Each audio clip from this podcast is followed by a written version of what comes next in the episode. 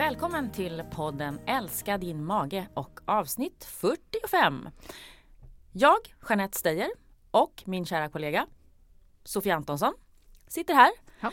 Eh, vi pratar eh, magprat, skitprat och mycket annat i den här podden. Mm. Och eh, just nu så är min kära kompanjon väldigt upprörd. Det var därför jag var tvungen att börja och bara liksom okej, vad, berätta, vad händer? Vad händer? Talk to me honey. Alltså så här va, att alltså upprörd, jag vet inte vad jag ska säga. Jag kanske också är ganska uppgiven. Ja. Ja. Fast du var upp och Fast jag blev också upprörd. upprörd när Ja. du visade det här för mig Ja. och skickade den här artikeln till mig. Man Ja. blir upprörd helt Ja. enkelt. Nu, nu jävlar. Ja. Ja. This is a cliffhanger. Berätta nu. Ja. Varför Ta är det i nästa Ja, avsnitt.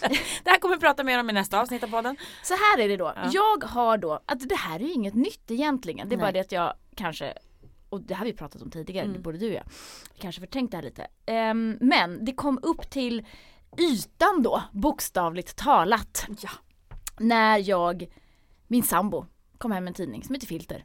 Och eh, det visar sig att det är ett stort reportage i denna tidning om den norska odlade laxen. Där har vi det. Ja.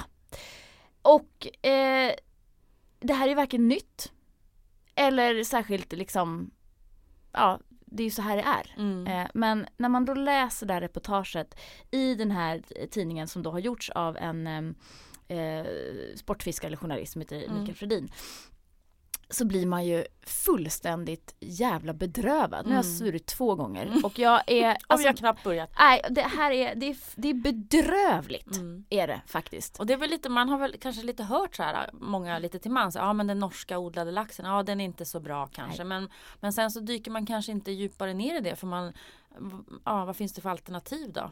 Exakt. Liksom, lite så. Det finns ju, det finns ju alternativ men, Mm. men gemene man, eh, jag menar när vi Man var ute och handlar och så här. Ja men exakt och när vi var yngre då var det ju liksom, lax var ju ganska dyrt. Mm.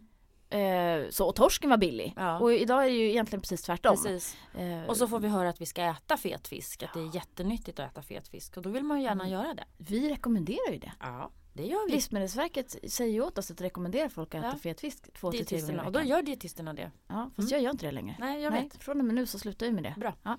Okej, så här är det då.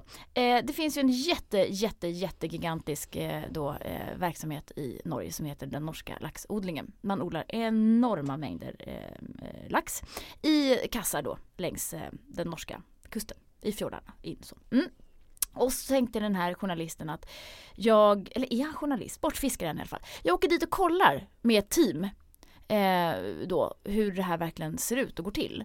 Eh, han brinner ju för, för fisk, eller fiske och, och sportfiske och liksom miljö, miljö överlag. Mm. Han tar då med sig en man som heter Yvonne Junard. Kanske? Han som är grundare till Patagonia va? Ja, exakt. Mm. Ja, också så miljöaktivist och Mm. väldigt eh, liksom inne på det här med fisk. Och de åker dit i en eh, båt eh, då till en stor, en av de här stora laxodlarna, vi behöver inte nämna några namn här, eh, och hoppar i där då. Eh, med en dykardräkt och eh, simmar fram till den här, en av de här laxkassarna. Där det då finns i varje kassa ungefär 70 000 laxar. Mm. Och det här får man ju inte göra. Det, det här är ju högst olagligt. Ja. Eh, Så, han, så ja. gör inte det här. Prova inte det här. Nej, nej absolut inte. Om ni inte vill bli stämda och hamna i fängelse. Ja. Ja. I alla fall, han, eh, han dyker upp och tittar ner i eh, den här lilla kassen helt enkelt och får ju en chock. För där simmar det runt laxar som ser helt fruktansvärt tärda och sjuka ut. Mm. Han menar att det var fler sjuka laxar än friska laxar som Mm. han såg. De är eh, flodda. Eh, de sprutas med varmt vatten och väteperoxid för att de angrips av såna laxlus. Eh, de saknar ryggfenor. Eh, de är malätna för de äter väl på varann. Eh, alltså det här är ju någon typ av högsta klassens djurplågeri Mm. för det första då. då. Mm. Eh, och, och så han blev ganska chockad men han, eh, han lyckades i alla fall i liksom ostört simma runt där i en timme och filma alltihopa. Eh, och eh, det här har då resulterat i en, eh, en film som heter F- Fishlicious. Hette den det nu?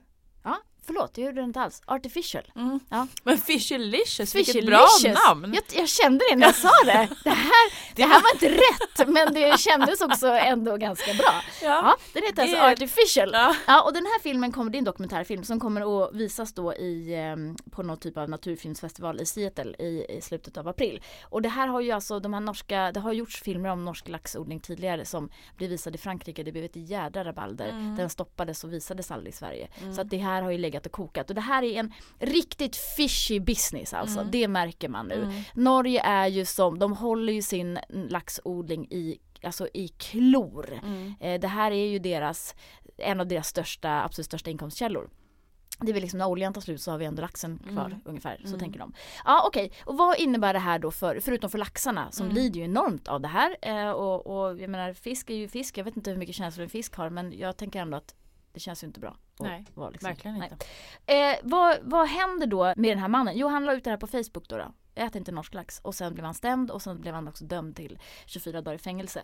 På Eh, grund av att han hade närmat sig de här, Ja. alltså trespassing eller vad det då blir för något. Precis ja. så. Och han menar att det var mer en, en liksom räddningsaktion för att Mm. få upp svart på vitt att Mm. det här är djur som lider, liksom, Mm. låt oss rädda Mm. dem.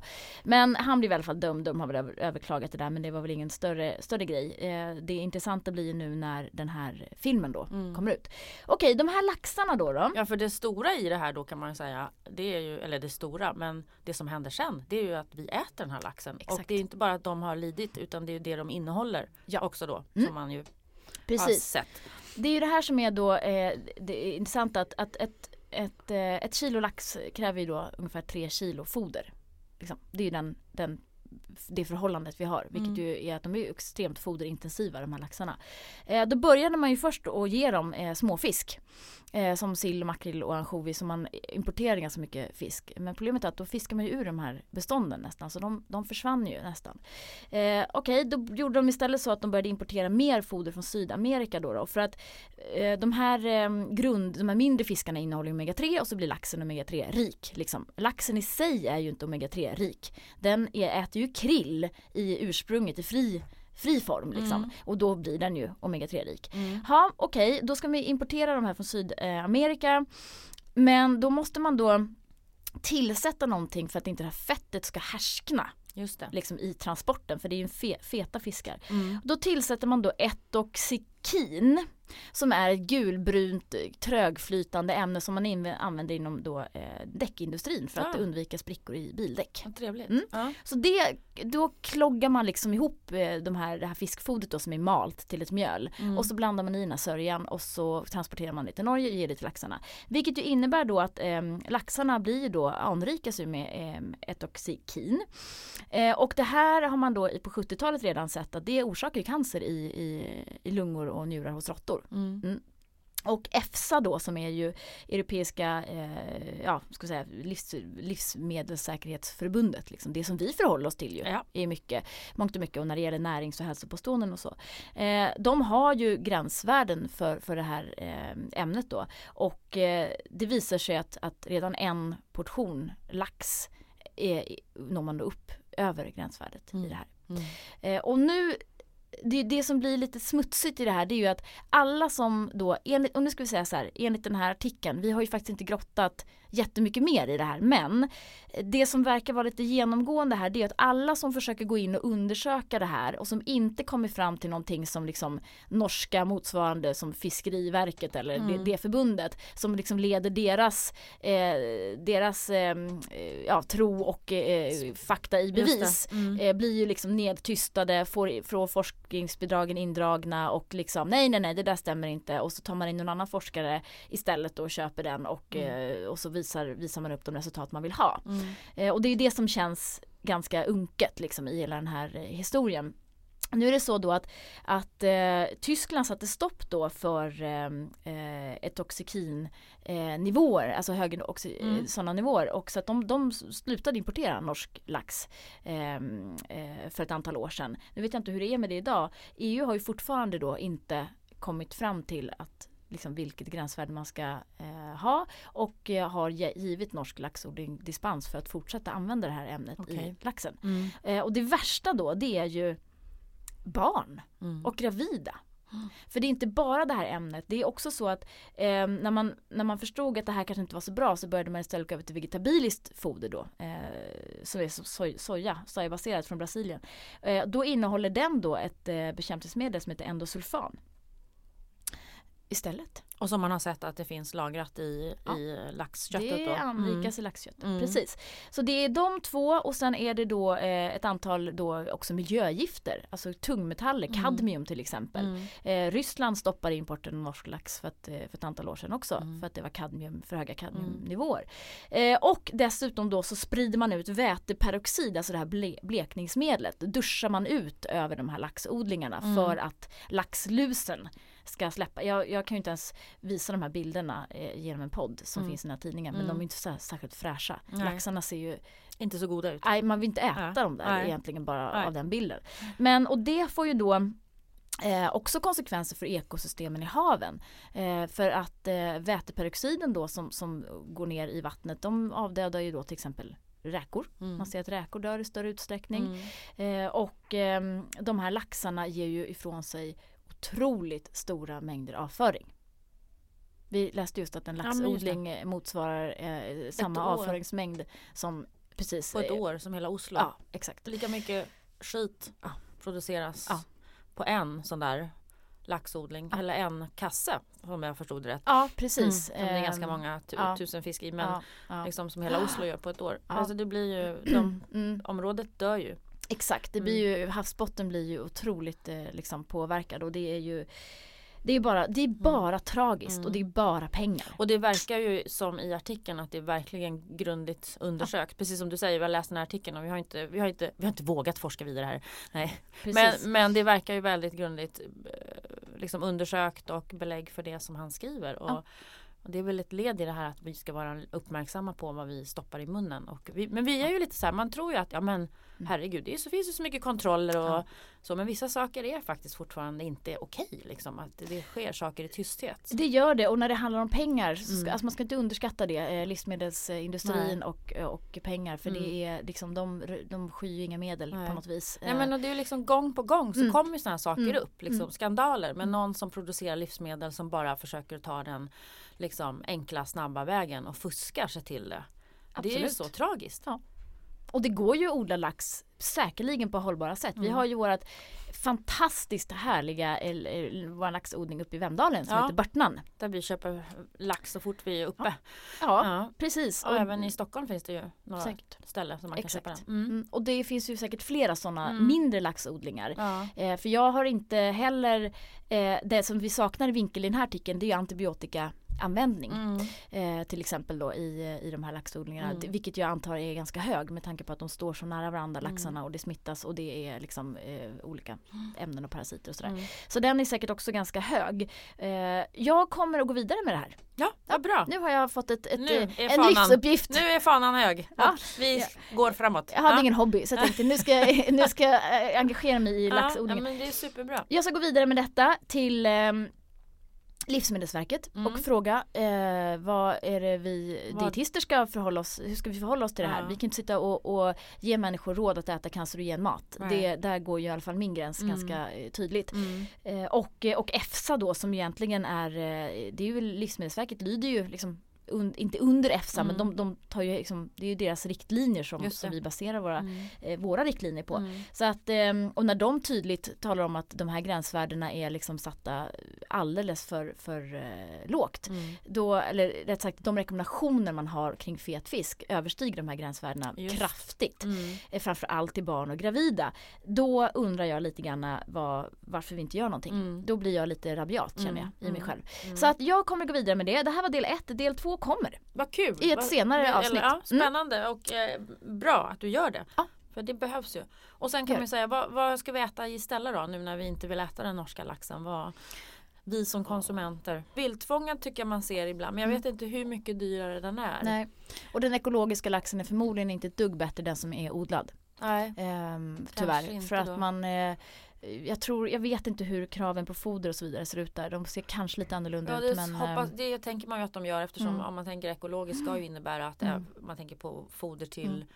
Till eh, våra kreatur till Mm. exempel får ju inte innehålla massa saker och antibiotika så. Så att Just det det. skulle man ju hoppas att det är samma regler som gäller där då. Mm, men det, jag tror att det, vad det man sprutar en, på laxen, det kanske, jag vet inte.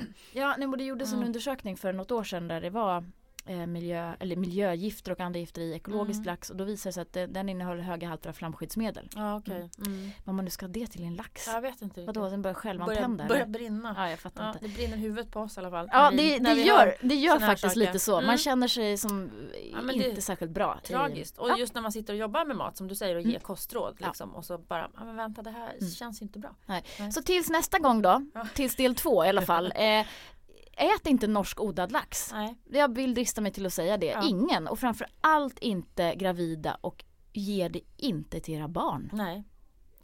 Nu har jag liksom, nu har jag eh, satt den här Satt bollen i, i rullning känner jag. Ja. jag. Jag kommer inte öppna min ytterdörr när någon ringer på. Det kan ju vara den norska fiskodlingen som står där och vill, vill mig illa.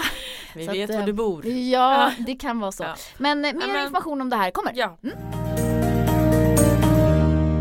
Vi är sponsrade av Husk. Stämmer bra.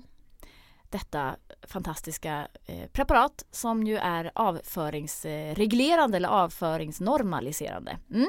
Jag har börjat huska, Mm. på riktigt. Ja.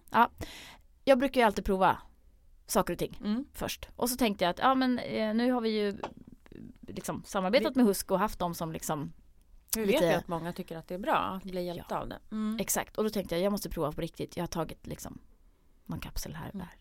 Nu har jag kört. Mm. Alltså tagit två på morgonen, Mm. två på kvällen. Mm. Och det ger ju bra resultat. Alltså. Det är det. Ja. Ja. Om man nu ska prata avföringsvolym. Ja. Och, eh, och eh, tömning, alltså Mm. nöjdheten på toaletten. Nöjdheten och, med och så. tömningen. Ja. Den är fin.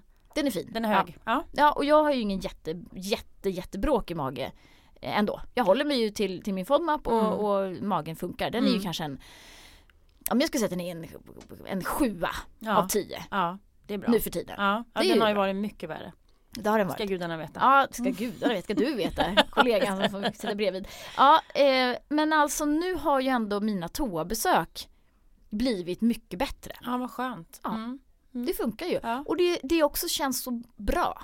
För att det är ett fibertillskott. Mm. Och jag tänker att alltså alla människor behöver ju ha det här. Lite mer fiber. Lite Så mer det. fiber. Ja. Mm. Så att eh, jag skulle vilja säga att oavsett om man har IBS så är det ju faktiskt bra att huska Mm. eh, som ett naturligt fibertillskott. Mm. Eh, eftersom vi, vi är så himla liksom, ja vi behöver äta så himla mycket mer än vad Mm. vi verkligen gör. Mm.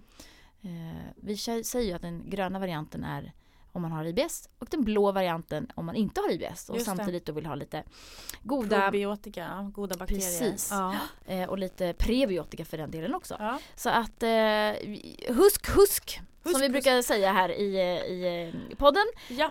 Prova den, gör det verkligen. Mm. Eh, och det är en ganska bra snabb effekt. Mm. Ja. Inom tre dagar så, så är det liksom, Mm. eh, tycker jag att det funkar. Mm. Eh, och det känns som att man gör tarmbakterierna också en god gärning och serverar dem lite schysst Schyssta föda. Schyssta föda. Mm. Bra. Ja, för att äh, lätta upp stämningen då lite grann efter denna tunga, tragiska nyhet. Nej, vi, vi fortsätter prata om mat tänker jag. Men Mm. vi kan prata om eh, sånt som vi, vi tycker om och som vi vill rekommendera. Och faktiskt så tänkte jag på en sak här. ehm, jag läste en artikel och jag vet ju också många gånger när man pratar med, träffar patienter eller pratar om mat och FODMAP och är då specifikt avokado. Mm. Avokado är ju eh, en av de livsmedlen som man börjar med att utesluta i elimineringsfasen som innehåller det som heter sockeralkohol. Eh, närmare bestämt sorbitol. Mm. Och eh, en del är ju känsliga för det utan att man vet om det. Och man tänker ju att avokado är mjukt och fint för magen och, och det är det ju också. Och en jättenäringsrikt och en helt underbar frukt är det väl till och med. Mm.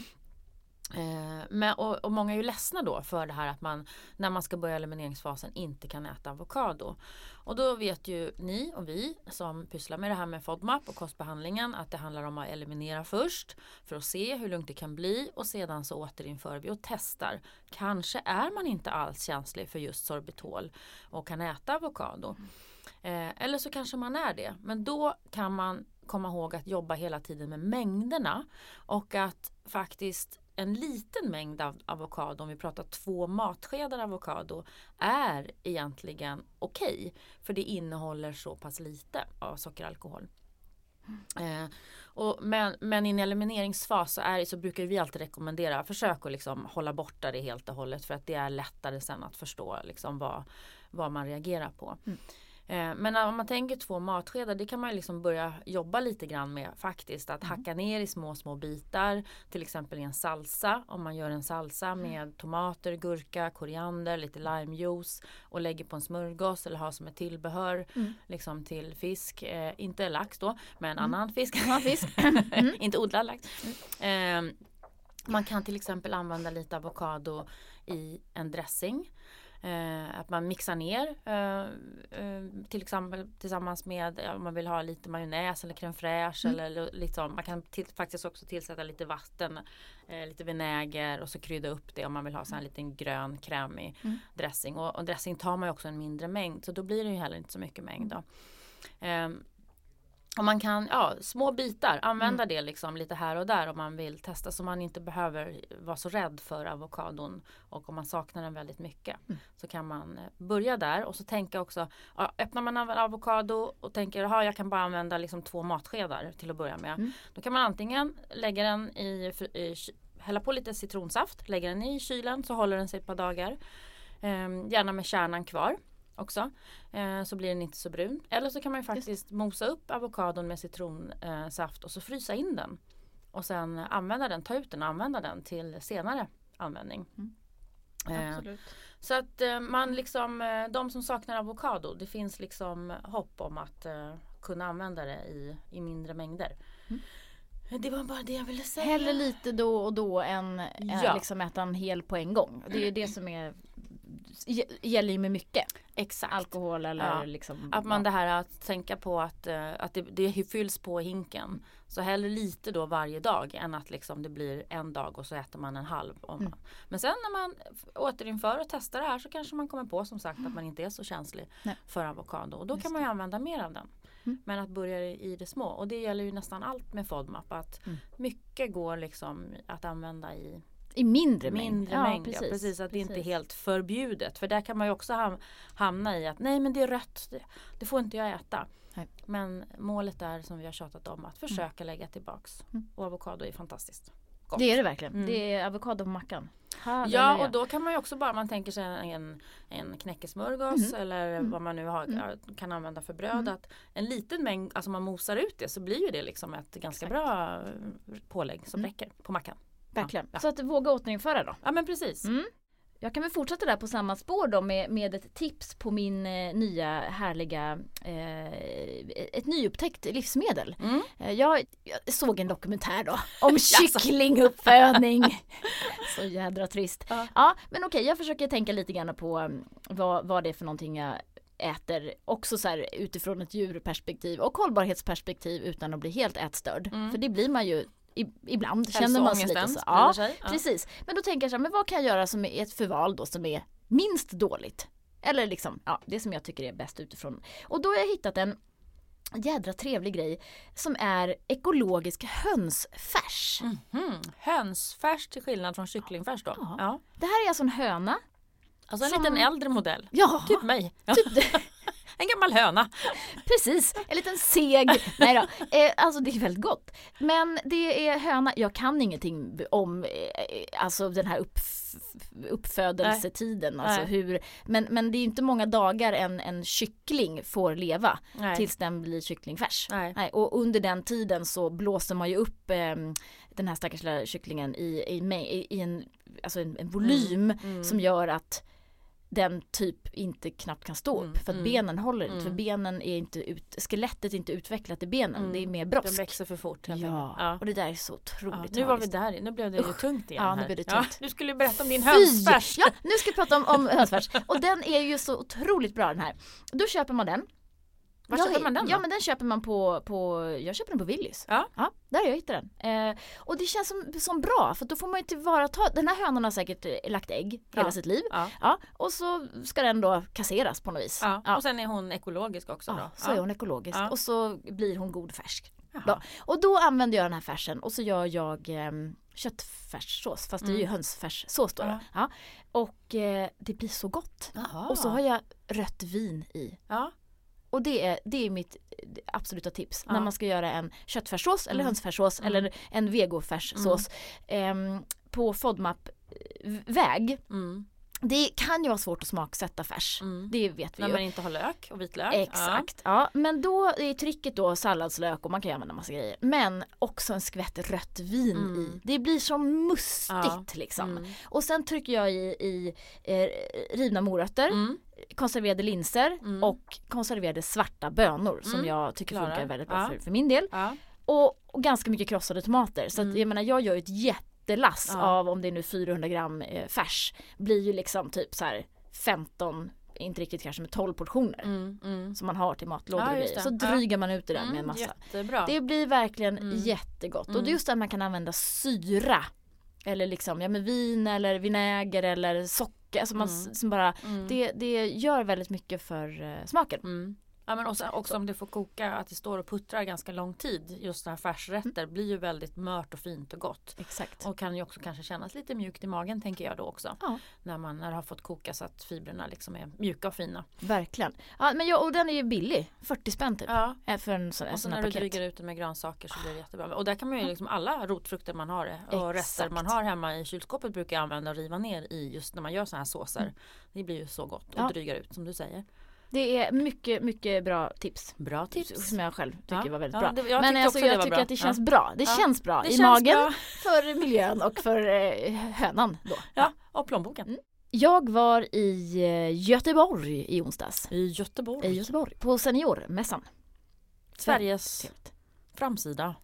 Ja, Brukar det- de säga. Det brukar de säga. Ja, och det, det jag håller med. Ja. Fräscha Göteborg. Är de? Ja, tycker jag. Jag tycker alltid det har regnat när jag var där så jag har inte tittat så noga. Det gjorde det i och för Ja. sig. Jag tycker folk är liksom, de känns piffiga. Jaså, Ja. minsann. Goa, glada Ja, och jag piffiga. blir som glad när jag kommer dit. Ja, Ja, Vad kul. I alla Mm. fall, då var jag där och pratade för, ehm, ja, eh, det var säkert 150 pers på den där framför min lilla scen. Mm. Jag fick 25 minuter på mig. Ja. Det är ju alltid traumatiskt, kort tid. Ja. Ja, så jag pratade så fort så att ja.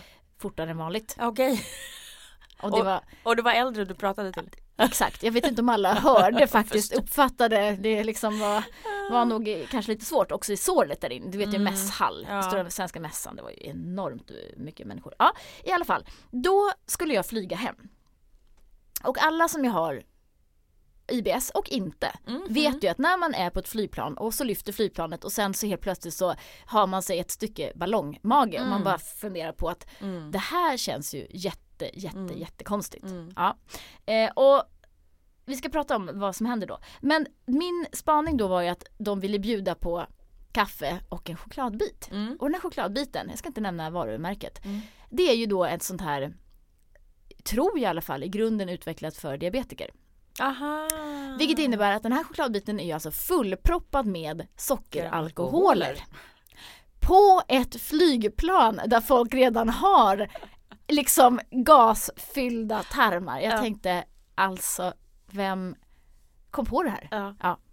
Någon som inte visste om Ja, någon som inte Mm. visste om FODMAP. Ja, och då, då tänkte jag så här, jag tackade faktiskt nej såklart då eftersom jag inte kände för att sitta där uppe med en, en, en ballong Nu var det sig en kort flygning men tänk om man ska ha Ja. långflygningar Mm. då för då blir det ju jättejobbigt. Ja precis. Ja. och då får vi den frågan ibland, vad Mm. händer i, eh, i tarmen? När, varför blir det då sådär som det blir? Det vet ju du, du är gammal sån här flygvärdinna. Gammal flygvärdinna, ja. de Välkommen. Jag ska nu tala om varför det blir så här i tarmen. Nej, men det är så här att ehm, när, alla har ju gas i tarmen. Mhm. Men när vi lyfter upp i ett flygplan så blir ju trycket liksom lägre. Så Mhm. det som vi har inne i kroppen Mm. kommer då ta, liksom, ta mer plats. Mm. Eh, och då blir det, man säger ungefär 30 procent då liksom att en, en liter gas kanske som vi har inne i tarmen då Mm. eh, blir 30 procent större i volym. För Just trycket liksom inne i kroppen blir större än trycket eh, i Mm. kabinen. Mm. Även om man tryckjämnar. Mm. Så då får man ju den här, då man Mm. vet ju om man har en flaska med sig till exempel. Mm. Eh, att den kan liksom, en plastflaska som är lite halvfylld. Den den, den kan tryckas in lite. och tryckas Ja, upp, ut ja. och liksom beroende på om man går upp och ner och så vidare. Då. Mm. Så att eh, det blir ehm, att det, det blir liksom, det tar mera plats i tarmen, den här Mm. luften som man redan har i tarmen Ja. när, man, när man startar. Så då är det ju ett bra trick just om man har en känslig mage att Mm. kanske vara lite väldigt låg FODMAP då innan man ska ut och flyga. Eh, för att inte liksom ha så mycket som kan jäsa i tarmen. Och det kan man ju tänka på även om man inte har IBS eller Ja. känslig mage. Att man, om man vill förbereda sig lite. Jag brukar eh, köra då eh, banan. Mm. Jag brukar köra overnight oats. Känt, från en känd kafékedja. Ja, Ehm, den är bra. Det finns ju inte så jättemycket alternativ på frukost. Det är ofta bröd. Så får man ta Ja. med sig lite, lite eget om man känner Mm. för det. En drickyoghurt kanske laktosfri om man vill det. mm. Men att man undviker att köra liksom Ja, inte vet jag. Pasta, fet pasta med lök och vitlök eller någonting sånt innan innan. Det blir ju ofta flyga. Precis. eh, ja. Och vi har ju också Jag pratar ofta eh, med flygvärdinnor Mm. som vill ha hjälp, som Mm. har de här problemen. Mm. Och de har det ju de har det jobbigt alltså Mm. Mm. i kabinen. Mm. Vad- Ja men det är ju jobbigt för man, man är upp och ner hela tiden Ja. och det är många som flyger och jobbar, jobbar inom flyget som alltså har problem med magen. Och Mm. Säkert inte bara på grund av det utan på grund av oregelbundna arbetstider, Mm.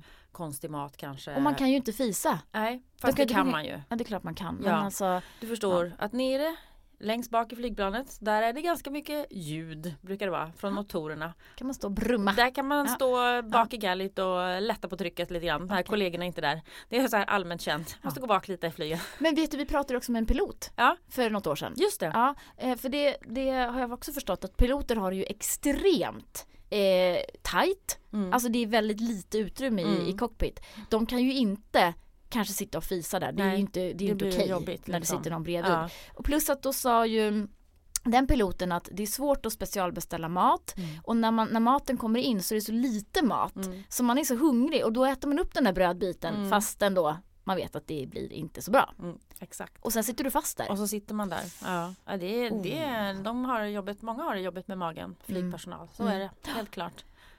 Vi tänker då undvik eh, choklad med sötningsmedel. Eh, Alla ni i alla fall som har IBS på, på och, och som flyger. Precis. Det ja. kändes som ett eh, direkt dåligt Ja. eh, alternativ. Ja, precis. Och så får man gå, fisa lite i mittgången där och försöka gå snabbt förbi.